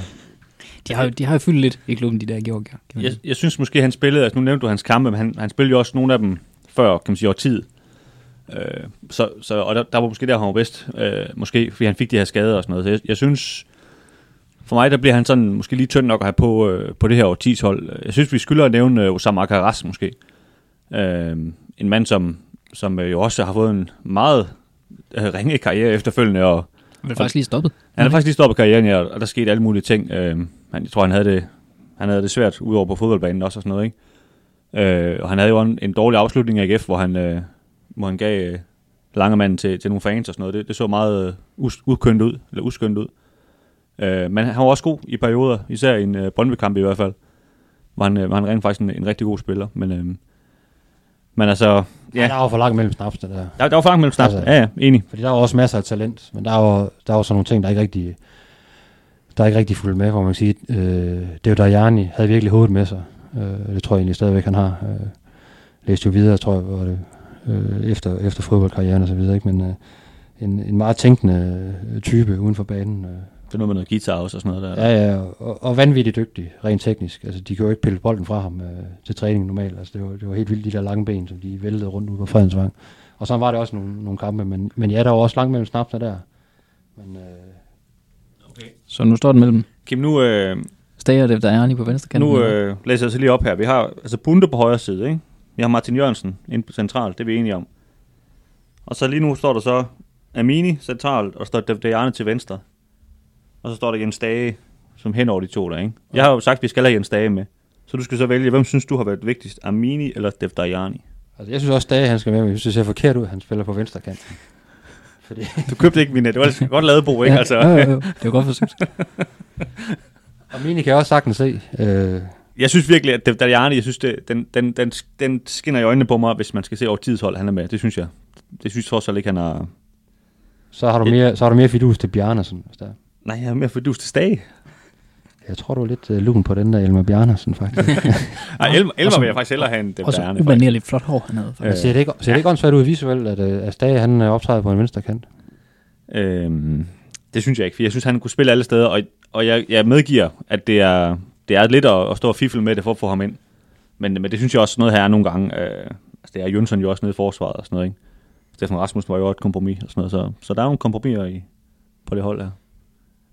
Jamen, jeg har det, jeg har det selvfølgelig lidt øh, på samme måde med, med Stage, som øh, igen ligesom dit, øh, dit vanvittige kirkeskov-bud. Øh, han er jo også en rigtig, rigtig god historie, ikke? Og, og en, der på, på meget, meget kort tid har haft et kæmpe impact på, øh, på hele kulturen og hele øh, stemningen omkring klubben. Ikke? Og faktisk også har en aktie i, øh, tror jeg, at, øh, at det går, som det går lige nu for, for AGF, fordi han har, han har været med til ligesom at, at skubbe den her bølge i gang. Han er i hvert fald skyld i regnskabet til godt ud. Eller en af grunden til, at regnskabet ser godt ud.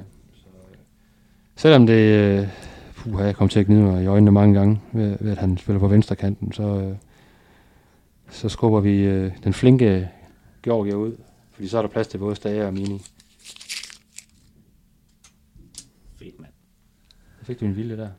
Det er, altså, der er også, når Martin Jørgensen er der, så skal der også være noget, noget metal bagved, der ligesom kan lave nogle taklinger, ikke? Altså Bundo og Martin Jørgensen, den side derovre, der kommer altså ikke mange taklinger derovre fra. Ej, nej, men så kommer Mikanovic jo blæsende bagfra og smadrer det hele. Og Pac-Man. Parkman han har øh, Martin Jørgensens ryg.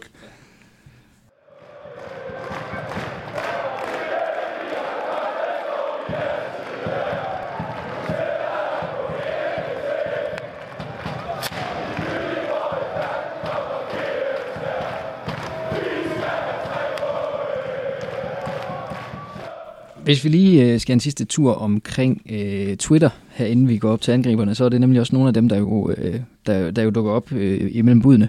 Øh, Jakob Stockholm, han skriver, for mig har Morten Duncans hjemkomst været en stor ting. Han gjorde det efter omstændighederne rigtig godt, og det kulminerede med en, en tunnel på Sanka og mål i parken foran 20.000 AGF-fans. Øh, og så siger Jesper Volgast, håber jeg udtaler det rigtigt, øh, han siger Peter Gravlund, en mand, der tog turene med ned i første division, selvom han sikkert kunne være skiftet. Uden ham er det ikke sikkert, at vi var kommet tilbage så hurtigt, som vi gjorde de gange, og hvem ved så, hvor øh, vi var i dag. Også en mand som Gravlund, der optræder øh, flere forskellige steder, øh, eller flere forskellige steder, men, men der er blevet budt på flere gange som partiets profil. Øh, nu må det være Kims tur til at starte, ikke? Jo. Jo. Hvis vi skal se frem til de to, til de to øh, frontløbere, som vi jo snakker om godt kunne blive en, øh, en form for en offensiv midt, den ene af dem også. Øh, Ja, og der, øh, der kunne man jo bringe en, øh, en, en Tobias Arne i spil. Øh, det var jo Du i høj grad den måde, han, han spillede på. Det er sådan lidt den her hængende angriber, ikke? Øh, også en fejlharper i, i perioder, men der er ikke nogen af dem, der i min verden øh, er i nærheden af at komme, komme ind på holdet her. Fordi det, sådan som jeg ser det, så, så giver det sig selv, og det står mellem, mellem tre angribere. Øh, og øh, jeg går egentlig ud fra, at vi, vi er ret enige, Dennis og mig, ellers så er det et eller andet helt galt med Dennis. Altså jeg mener, om jeg, jeg har en, øh, en øh, hvad hedder sådan noget, Joker, det ved jeg ikke. ikke en joker, sådan et, et hjertebarn, som øh, du nok ikke har, som ja. Ja. du er nødt til at argumentere for. Men du, lad os nu få noget på bordet, så vi kan snakke. Jamen altså, jeg tager øh, den oplagte, det er Peter Gravlund. Det var en darling, jeg vil godt være sagt. Og det er jo... Så.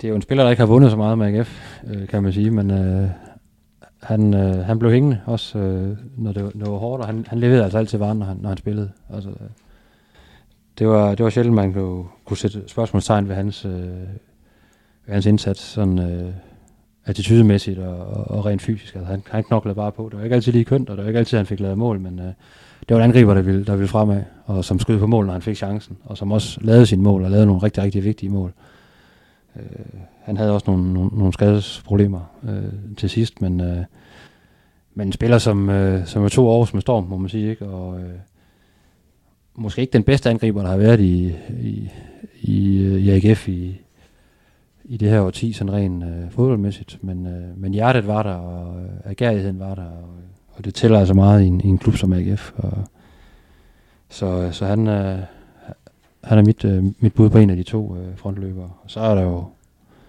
alle mulige andre, man kan nævne, ikke? Øh, Men øh, nu, kan, nu kan Dennis lige komme med, med, med hans... Øh, Jeg må, må jeg ikke lige udfordre det der lidt? Altså, synes du, han, han har været...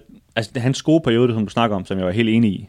Var det i det her årti? Eller er det fordi, du også ved, hvordan Peter Ravlund gjorde det i årtiet inden? Jamen det hele hænger jo sammen, ikke? Altså, og det er jo igen det der med, med snakken, det der med øh, nogle spillere, der måske har været der i, i en kortere periode, måske umiddelbart også havde et mere lysende talent, ikke? Øh, men, men, men Peter Gravlund har bare øh, betydet rigtig meget, øh, den tid han har været i, i AGF, øh, også i det her årti, altså i omklædningsrummet, uden for omklædningsrummet, øh, i forhold til hele øh, træningskulturen, og hvordan man, han ligesom prøvede at, at skubbe det fremad, selvom det ikke altid var et, et super stærkt øh, hold, han var en del af. Ja, altså du sagde, at det kom til at blive nævnt, dem der, det tror jeg simpelthen ikke. Øh, hvis Hvad siger du? Hvis du bliver ved med at, at, at vælge sådan nogle spillere i hvert fald. men øh, det, det er jo ikke for at underkende Peter Ravlund, men, men jeg, er ikke, øh, jeg er ikke helt enig i, at, at det hører til det her årti. Men lad os nu lige få nogle navne på bordet, så, kan vi lige, så er det lidt nemmere at, at diskutere det. Ikke? Øh, nu kan jeg lige nu nævne nogle af dem, der bare lige sådan honorable mentions, som jeg godt kan fornemme. Dem får jeg da så ikke med i hvert fald. Øh, men jeg synes, en mand som Søren Larsen, han havde sin, øh, sin få glemt. Øh, det var også kun få. Øh, men et, et stort navn, AGF fik hjem, som øh, blandt andet scorede et hat i en kamp, som jeg, som jeg da trods alt husker. Men, øh, men, men, men alt for få mål endte det med, så, så, så lad os bare lige hurtigt strege ham. Han, han kan trods alt ikke komme i spil. Det går ud fra, at vi er enige om. Ja. Øhm, så kan man sige, at min, min darling, før omtalte darling, det, øh, det er jo så den her lidt hængende angriber, Kim Aabæk, som øh, en lidt kort periode, altså fra 14 til 16, men, men han var en kæmpe profil, dengang AGF spillede i første division. Og det er selvfølgelig også lidt nemmere, når man spiller mod første divisionshold, end at være det i Superligaen. Og det beviste han også året efter, hvor han så havde det meget sværere, da AGF rykket op i Superligaen. Men jeg vil nu hvor påstå, at hvis han ikke havde været der, så havde de ikke rykket op øh, den sæson, hvor de hentede Lyngby. Øh, virkelig, virkelig øh, altså, flot, god fodboldspiller. Øh, en, man sådan vil tage på stadion for at se. Jeg ved det i hvert fald. Øh, så derfor synes jeg også, at han, øh, han fortjener at være lidt i spil. Men det, der er også hård konkurrence heroppe i angrebet, det må man så sige. Øh, okay, Kim, han er ikke helt enig. Han står sådan og synes ikke, at konkurrencen er hård. Jeg har nævnt, der er, der er tre spillere. Ja. To pladser. Du nævnte, du nævnte også Sarna. Der synes jeg simpelthen, der var for langt mellem snapsene. Ja. Jeg er enig i, at han havde også, øh, han havde også perioder, han skulle også nogle hat og han skulle også vigtige mål, men der var også nogle gange, hvor, hvor det slet ikke kørte. Og så tror jeg, uden for banen, han nogle gange var lidt svært at have med at gøre, og også ødelagde nogle ting mere, end han, øh, han gjorde dem godt og sådan noget. Så, så jeg synes ikke, han, øh, han skal ikke være med på holdet i hvert fald. Nej, men det sagde også, han, han slet ikke i spil. Det var mere for at, lige få, for afslutte den der, den der 10 snak. Ikke? Jeg tror, vi er enige om, at det, det er sådan to mere rendyrkede frontløber. Ja, man kan sige, at AGF har, ikke, har ikke spillet så meget 4-4-2. Altså, de har mere spillet med den her Obex øh, Sarna-type hængende bagved, eller Bro Blume er det jo lige i øjeblikket. Men man kan sige, det, det er bare sjovere at have nogle angriber på, der scorer nogle mål. Ikke? Så, så, så jeg tror, vi, vi, vi ender nok med at have det her 4-4-2-hold. Det, det må så være lidt uh, ærgerligt for Kim Aabæk, han ikke, måske nok ikke komme på holdet. Men øh, så har jeg så to. Jeg havde også Gravlund skrevet ned, skal jeg sige. Så havde jeg så to mere, der står. Og det, øh, du, du kaldte det nemt. Jeg synes nok, det bliver svært mellem de tre her. Der er en, der hedder Arne Johansson, som øh, kan man se helt mærkeligt ud i ansigtet. Han scorede, øh, han scorede rigtig mange mål. Øh, en kort periode i hvert fald. Øh, hvilket gjorde, at de tjente nogle penge. Og han blev, øh, han blev solgt til udlandet, og han har så været utrolig skadespredet efterfølgende, men, men noget, der trods alt også et VM.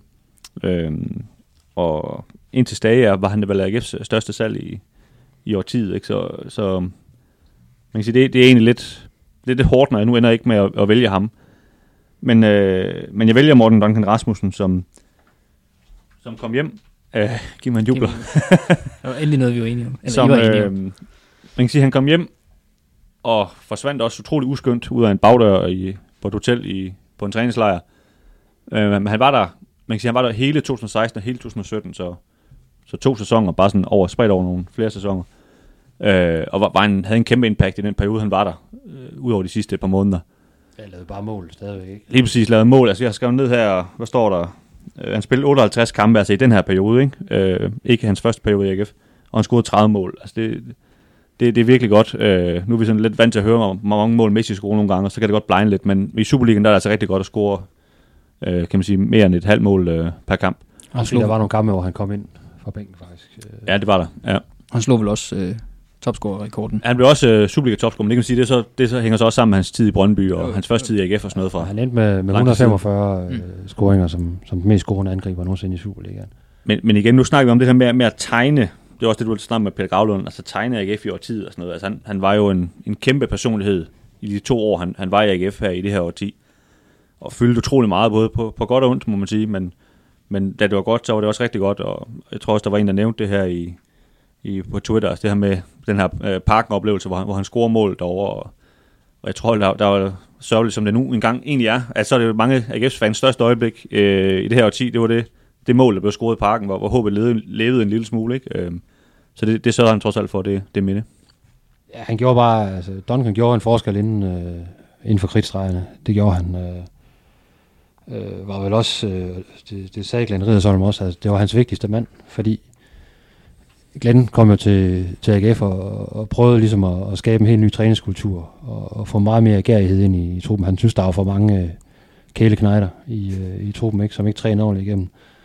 Og der, øh, der kendte han jo øh, Morten Duncan fra, fra FCM-tiden og vidste, at øh, der kom en lille psykopat ind i, i truppen her, der nok skulle, øh, skulle råbe op, øh, og som ville vinde samtlige øvelser til træning, og, og hvis han ikke gjorde det, så blev han som en lille barn. Ikke? Altså, og det var, der, det var der måske rigtig meget brug for, i hvert fald i starten af, af den periode, hvor Duncan var i klubben. At han gik ind og var lidt det dumme svin en gang imellem, og, øh, og havde det her internationale snit, kan man sige, ikke? Som, som manglede i, i, i, i truppen. At det så måske tog lidt overhånd øh, hen ad vejen, øh, og ikke, ikke var noget, som David Nielsen ligesom kunne bruge til noget. Det, det er sådan noget helt andet, men det ændrer ikke på, at han som rendyrket angriber er en af de bedste, der nogensinde har været i AGF. Altså, han har bare lavet mål. Øh, og det er jo ikke kun Erik AGF, det er jo rigtig mange af de steder, han har været. Man kan sige, i udlandet slår han måske aldrig rigtigt til, men øh, på Superliga-niveau er han jo en af de allerbedste angriber, der nogensinde har været, og, og den, der har lavet flest mål. Så, så jeg synes også, han, han har selv skrevet, jeg snakker om, at jeg havde tre til to pladser, og der er Aaron jo den, den tredje, ikke? Øh, en ung islænding, der kom til AGF. Øh, også en, jeg har fulgt, fra han kom til klubben, og ligesom så hans udvikling. Og han var, jeg var ikke imponeret af ham, da han lige kom til klubben, og tænkte, hvorfor fanden har de hentet ham her, ikke? Meget, meget klein.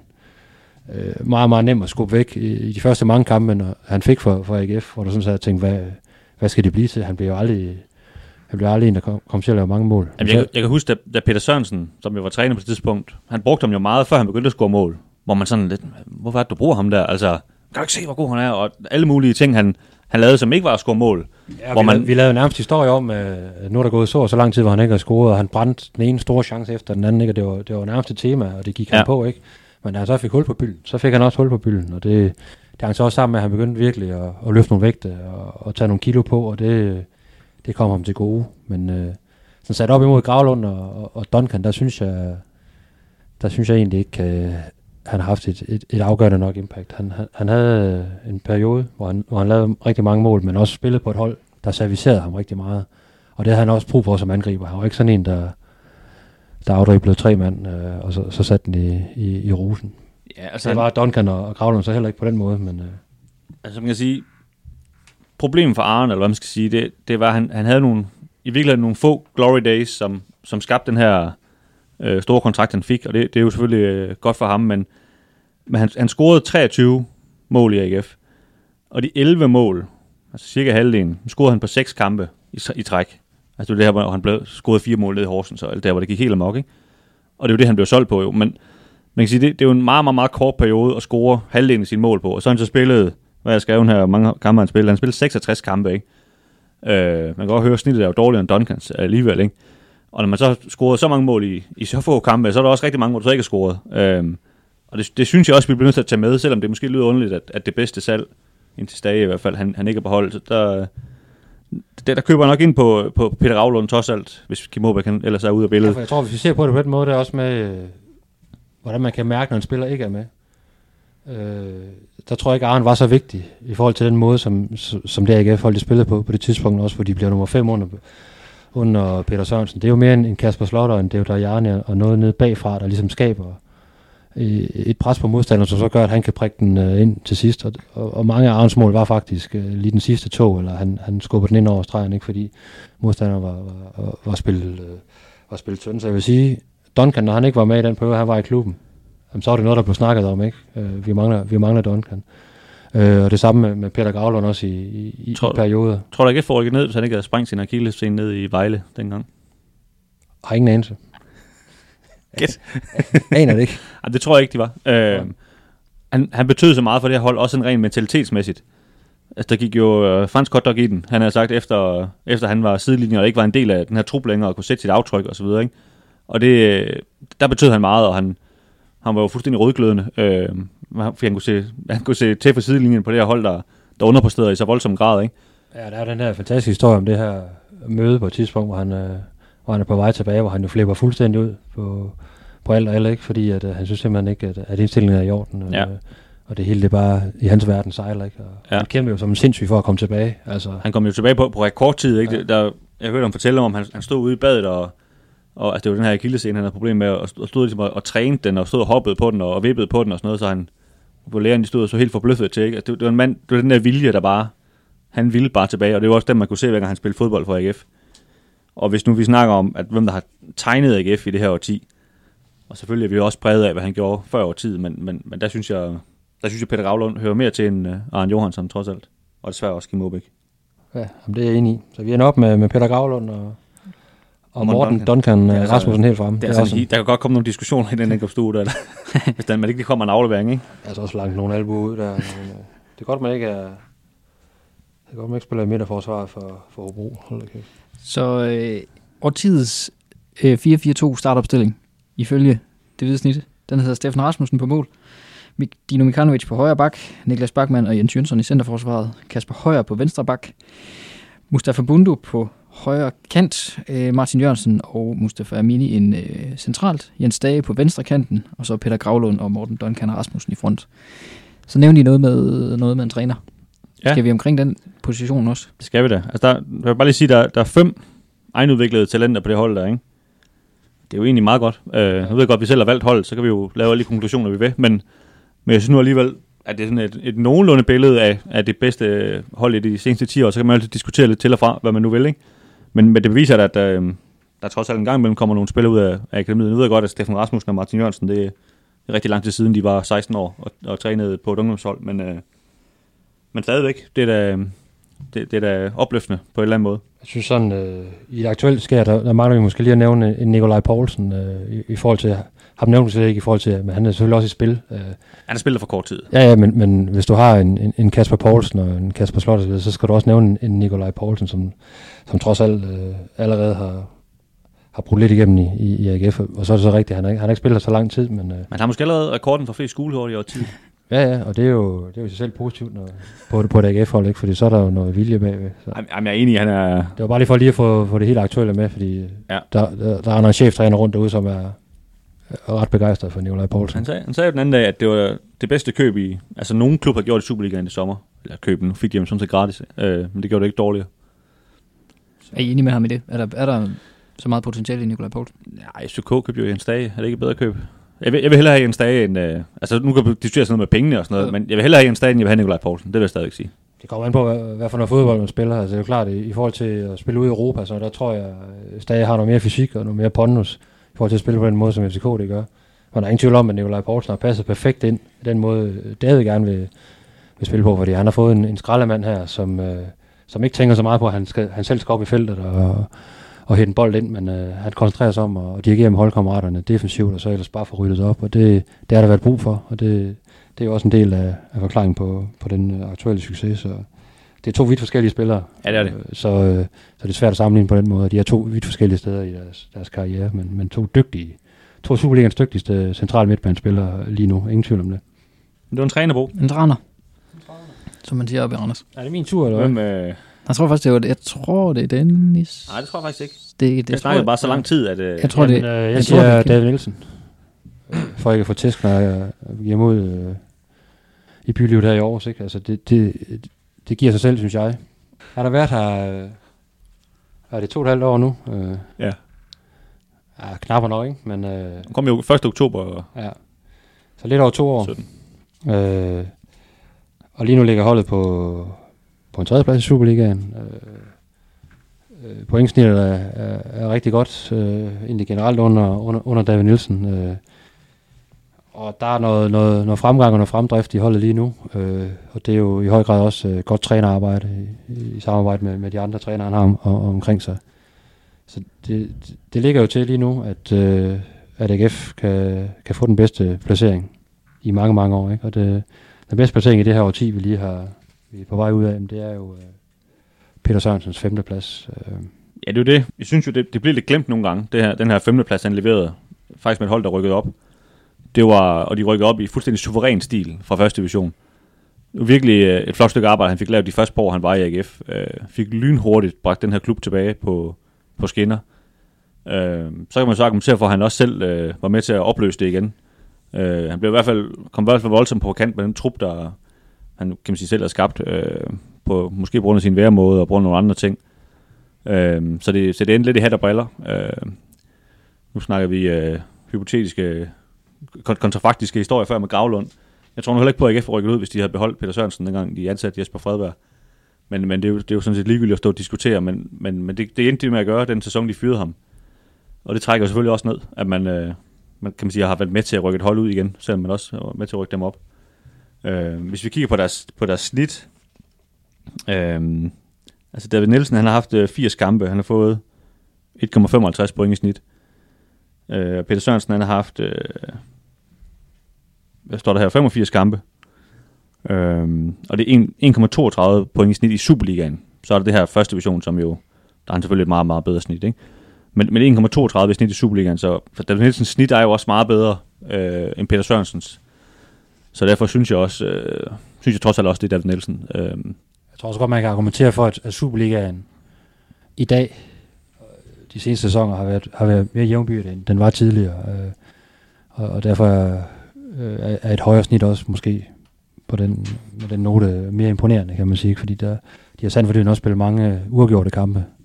Men når man så har et, et, et så højt snit, trods alt, det betyder så også, at man tilsvarende har vundet rigtig mange kampe. Det er jo især at være, være tilfældet i den her sæson. Så, så ja, David Nielsen, øh, ja. Selvskrevet i min, min bog, der har også været en, en Morten Vikost indover, øh, som aldrig rigtig øh, fandt melodien med hans øh, short passing øh, spil, øh, og heller ikke rigtig fandt sig til rette i klubben øh, i forhold til forhold til ledelse og så videre. Der, der var for meget øh, støj i kulissen, øh, og, og for få rigtig gode præstationer inden for kridtstregerne.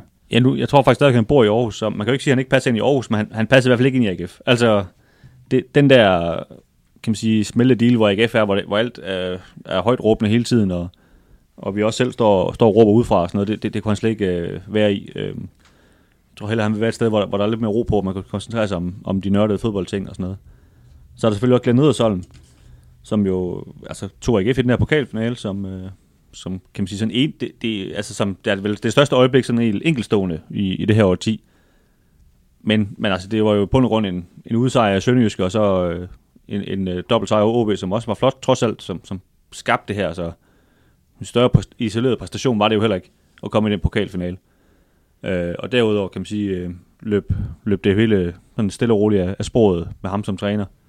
Øh, kom aldrig rigtig til at klikke det her, det her IF-hold, som, som må vi jo bare sige, at David Nielsen har taget til et andet, en anden højde. Og det kom vel heller aldrig rigtig til at klikke opad, eller hvad man kan sige, altså med ledelsen og, Nej, og noget sådan. Der var vel også lidt der. Øh, Jeg, jeg tror, at David Nielsen, selvom han også sikkert har sine udfordringer med Jakob Nielsen, så har han, så er han måske bedre til at takle, øh, at man ikke altid får sin vilje, end Glenn Ederson var.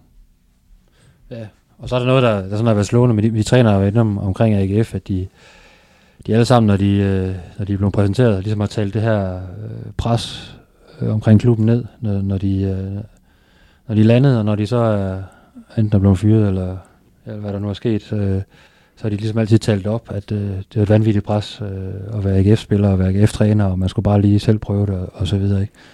Så, så jeg tror, der, der er mange af dem, der, der er en, der er blevet overrasket over, hvad det er for, hvad AGF er for en størrelse, øh, både internt, men også i forhold til, til det ydre pres. Så det, der, hvis man også skal hive det parameter ned over det, der, der er David Nielsen klart den, der har taklet den opgave bedst i forhold til at, at håndtere omverdens øh, øh, alt, hvad, der bliver sagt og skrevet og, og råbt på stadion og så videre. Ikke? Altså, der, der, der er rigtig meget teflon over ham, hvor, hvor jeg synes, øh, mange af de andre trænere tog det, tog det lidt for meget ind under øh, trænerjakken.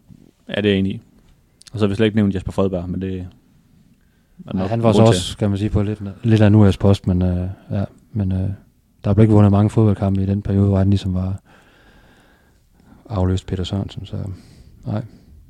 Så ja, David Nielsen, øh, ingen tvivl om det. Ej, så jeg synes, kom der er lidt tvivl, men, øh, men jeg synes, han var bedst. Der er ikke nogen tvivl. Øh, det er David Nielsen. og så kan man jo, man står her og kommer på alt muligt, men øh, fik vi egentlig nævnt Marta Vatsatse? Nej, jeg stod Det faktisk lige og tænkte på, det, det, er hvordan det, det, det er det herlige øh, menneske, ikke? Altså, ikke at jeg siger, at han overhovedet er i nærheden af Peter Gravlund og Duncan Rasmussen. Det er han ikke. Så får du i hvert fald en hvis du møder en af de to, hvis du sætter Vatsatse på i stedet for. han smækker altså også nogle kasser ind for dem, øh, især nede i, i, i den næstbedste række. Ja, Øh, synes- og, og også vigtigt. Det var problemet var ham ligesom med Åbæk, at, at de var gode i første division, men, men de kom ligesom til kort i Superligaen, ikke? Øh, der, det var som om talentet rækte ikke helt til at, at slå igennem. Nej, og det viste jo også, da han så røg videre og, og, og stadigvæk spillede i, i Danmark, der var ikke der var ikke mere, der var ikke mere tilbage i ham. Altså, og han var også rigtig meget skadet, eller meget, meget skrøbelig i forhold til at, at, at, og træne og så videre, og, gå i stykker og have småskavanker hele tiden. Ikke? Men, øh, men han, havde, han havde sin virkelig gode øh, stunder, kan man sige, ikke? Og, og kunne altså godt sparke bolden ind, når han fik chancen. Og var også ham, der ligesom øh, nærmest egenhændigt øh, sendte AGF ud af det, det egentlige øh, europæiske eventyr, klubben har været på i det her årti. Han scorede da i AGF's øh, Europakampagne, selvom det var imod dem. Og det ikke Anders, Anders Kure, han scorede også, tror jeg, hvis vi nu skulle snakke ham op. Gerne det. På hvad noget, på noget, jeg overhovedet ikke ved noget om. Jo, Eller så må vi hellere bytte øh, til ham ind i stedet for Jønsson. Steffen Bachmann. Nævner det. Bare har ikke scoret i Europa i hvert fald. Nej, han har ikke haft chancen. Nej, nej, det var hans egen skyld. Kan man sige. Nå, Godt, Det vi, øh, Men øh, det, det slutter med det. Årtidets hold, simpelthen. så Stefan Rasmussen, Dino Mikanovic, Niklas Bachmann, Jens Jønsson, Kasper Højer, Mustafa Bundo, Martin Jørgensen, Mustafa Amini, Jens Dage, Peter Gravlund, Morten Duncan Rasmussen og David Nielsen. ja, så tager vi, vi har sådan nogle smartphones alle sammen, og en af os, vi, vi tager sådan et billede af det her bord, de her sædler, så lægger vi det lige op på social medias, og så kan, så kan I andre jo, øh, hvis I har lyst, I andre, jeg lytter, I kan jo, I kan jo diskutere ud fra det her, og, og, og svine os til, og jeg vil da sige, øh, bare svine Dennis til for den der en stage på venstre kanten. Øh, Det er jo ikke noget. Ser helt forkert ud. Men du vil hellere have det der Jarne end have Jens Dage på holdet i hele taget. Nej, jeg vil have Jens Dage på hold, men han skal ikke spille venstre kant. Men hvor, hvor skal han så spille hen? Altså, hvis, hvis, jeg skal spille, hvis jeg skal spille ind med ind i den der, så, og det, jeg tror, jeg har sagt det før, men i... Nej, Jesper Lange kommer ikke på holdet. Jamen, Har vi også glemt. det, det var nu ikke det, jeg vil sige. Det, jeg vil sige var, at... Du har øh, engang skrevet en bog om Jesper Lange. Ja, det har jeg faktisk. Eller jeg er med ham. Ja, det er en lang historie. Hvis man nu kunne vælge en af angriberne fra, det ved jeg godt, og det kan man ikke gøre uden at få, uden at få tæsk, som I siger, så var der jo faktisk, og nu ved jeg godt, at I, at I hader mig, fordi fodboldmanager har ikke noget med virkeligheden at gøre, men der var Jens Dage jo faktisk, der, de mente jo faktisk, at hans bedste position var shadow striker et år, kan jeg huske. Jeg han ikke kunne- enig. Han kunne jo have været inde som den der hængende, hvis I Han var, han var jo kæmpe meget en øh, nødløsning. Men det, og gjorde alt, hvad han, hvad han kunne, og, og, og fungerede jo fint i de her kampe, hvor man ligesom skulle, øh, skulle ud og, og, og fejre røven ud af bukserne, ikke? Men vil sige, som, som decideret boksspiller, jo, han har et rigtig godt hovedspil, men jeg synes, jeg synes ikke, det fungerede i særlig mange kampe. Ej, det var også ret tydeligt, at Patrick Mortensen begyndte at spille angriber, og Stage kom tilbage på sin rigtige plads, der scorede de lige pludselig flere mål, øh, helt tilfældigt. Og um, altså, selvom han kunne spille mange steder, så er han jo bedst et sted, eller, eller, eller to steder på på, venstre kant. på venstre kant, og så centralt. Ikke? Der er ingen tvivl om, at øh, der, hvor han er blomstret helt op, det var, da han kom ind øh, centralt og fik Ja, en styrende rolle. Og det er jeg også enig i, øhm, og jeg indrømmer også, at det er, det er lidt et, et nummer det her, men, men jeg synes bare, at Mini fortjener mere at være med, end Devdajani gør, og derfor har vi fusket med det. Ja, og Bundo kan vi heller ikke komme udenom på, på den højre kant. Vi skal have noget fart på den, øh, på den højre kant. Så det bliver lidt et kompromis. Det bliver lidt et kompromis. Men et, et, et herligt hold med masser af temperament, må man sige. Det må man sige. Øh, Jeg lægger også mærke til, at der er forholdsvis mange fra, øh, fra det hold, og det giver selvfølgelig mening i og med, at de ligger, som de gør, men fra det hold, der er nu, og det siger vel også lidt om, Ja, hvor mange er der? Der er 1, hvor 2, meget... 3, 4, 4, og så træneren. Så mange er det jo heller ikke. Nej, Fire okay. trænere, så kan man sige, at Stage, han var, han var lige rejst, trods alt. Man, Ja. kan, man kan også vente om at sige, at der er også relativt mange fra, fra en periode, hvor det er gået helvede til. Ikke? Men hvor det bare var dygtige øh, fodboldspillere, man ja. fik hentet ind. Ja, for jeg synes jo faktisk, altså, som Kim han sagde, altså den her tredjeplads, de har lige nu, det er jo langt bedre end noget andet, de har præsteret. Der er godt nok den her femteplads, men de har jo mange flere point nu, end de havde dengang på det her tidspunkt. Så man skulle, på den måde skulle man jo synes, der faktisk var flere. Men der er trods alt, det handler jo også om, at nogen har sat et aftryk på over tid og sådan noget. Som man kan sige, sådan en mand som Martin Jørgensen, øh, Peter Gravlund og Duncan og sådan nogle, altså de, de har simpelthen bare været så stor en del af, af AGF i de seneste 10 år, at, at de skal med, ikke? Jo, fordi der, der er lagt ned til en, en, en Morten Nordstrand, en Morten Målskred, som noget han overhovedet spillet en, noget han ikke to kampe, og han tror jeg. noget, noget på kampen, ikke bomberen op for Norge, som... Var det, ikke noget, var det ikke noget, man havde købt ind som erstatning, da Gravlund blev skadet, og så kom Gravlund tilbage fra en skade før? Ja, for han kom, han noget. kom tilbage fra sin Ja. skade, er det rigtigt? Og Dio har vel også været... Det er vel også i det her årti, at Dio Williams har... Hvad med Nando var det før? Jeg tror, han, då han pustede lige ud der i, Ja. i, i 2010. Han lavede ud med at købe en hjemmebar til 100.000, så, så, så hyggede han sig i den, tror jeg. Det var, Nando Rafael, var det, er det før? Eller hvad? Ja, han, han røg Ja, faktisk, jeg tror faktisk, han røg i januar 10. Okay. Så det, det er det, han ryger på. Ellers var han selvfølgelig med. Og han var en stor tikkende skade. Jo. ikke? Altså, han havde så store lårmuskler, at, øh, at bare han gik op ad et par trapper, så, så fik han jo en, en fibersprængning. Så Ja. en vanvittigt dygtig angriber, Ja, ja, ja. når, når, ja. han, øh, når han ikke var skadet. Øh, og havde jo også spillet på, på højt niveau nede i Tyskland. Ikke? Men øh, Hvem fortjener, hvis der, hvis der er ligesom en, der ligesom skal have en honorable mention, der ikke lige kunne komme med, fordi der simpelthen ikke var plads til ham. Hvem er, af dem, vi har været omkring, Jeg, Ja, tror, jeg, tror, jeg, jeg, jeg, har en fornemmelse af, at jeg kunne være en georgier. På, David Cortez. Han har det georgisk han jo. mormor. jeg synes, øh, jeg, jeg, synes, jeg ved ikke, hvorfor det der Kim Aabæk, det bare har printet mig. Jeg synes, han simpelthen bare har god en fyr, men Jo, og Kim Aabæk er en vanvittig fed, eller øh, da han spillede, var en, var en vanvittig, spiller stadigvæk. ja, jeg tror, han spiller over i videre måske, ja. Ellers er han lige holdt. Øh, men der var i AGF en, en vanvittig fed type, også uden for banen. Altså virkelig, øh, og sjov og, og interview og så videre. Der, øh, han, han havde egentlig et dårligt ry, da han kom til klubben, og sådan, han var, meget, meget omgængelig, synes jeg. Ja, meget. Og altid øh, med, med en fin bemærkning og lappen frem, når man mødte ham og, og så videre. Og, øh, og det er jo sådan en, hvor man bare tænker, havde han bare givet 100% på hans fodboldkarriere, hold kæft, hvor kunne han være blevet god og spillet i, i langt større klubber. Ja. Fordi han var fodboldmæssigt er han en af de bedste, der har været i det her årti. Der er der ingen Ja, helt sikkert. sådan øh, fodbold øh, intelligensmæssigt også. Øh, der mangler så nogle, nogle, nogle mentale redskaber, måske og noget, noget seriøsitet. Men øh, han var faktisk øh, ret seriøs, da han var i AGF. Øh, det sagde han også selv. Altså, han gav det virkelig et, et skud, da han var i AGF. Og det var godt scoret masser af mål i, i første division, ikke? Øh, Og var, var rigtig vigtig. Øh, Jeg kan sige, det var vel først der, da Riddersholm han overtager, at han ligesom rigtig kommer ud i kulden i, i AGF, ikke? Altså, han, han ligesom sat på nogle andre, på nogle andre spillere og sådan noget, ikke? Så.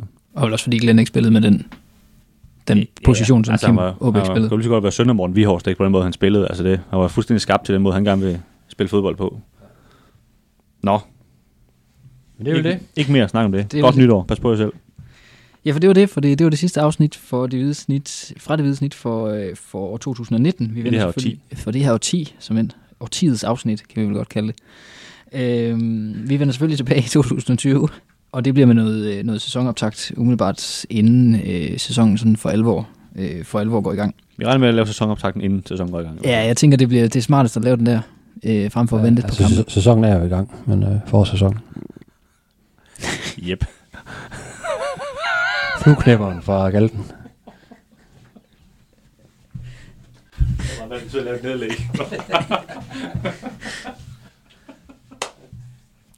Nå, men med den, så må I have øh, et rigtig godt nytår, og tak fordi I lyttede med.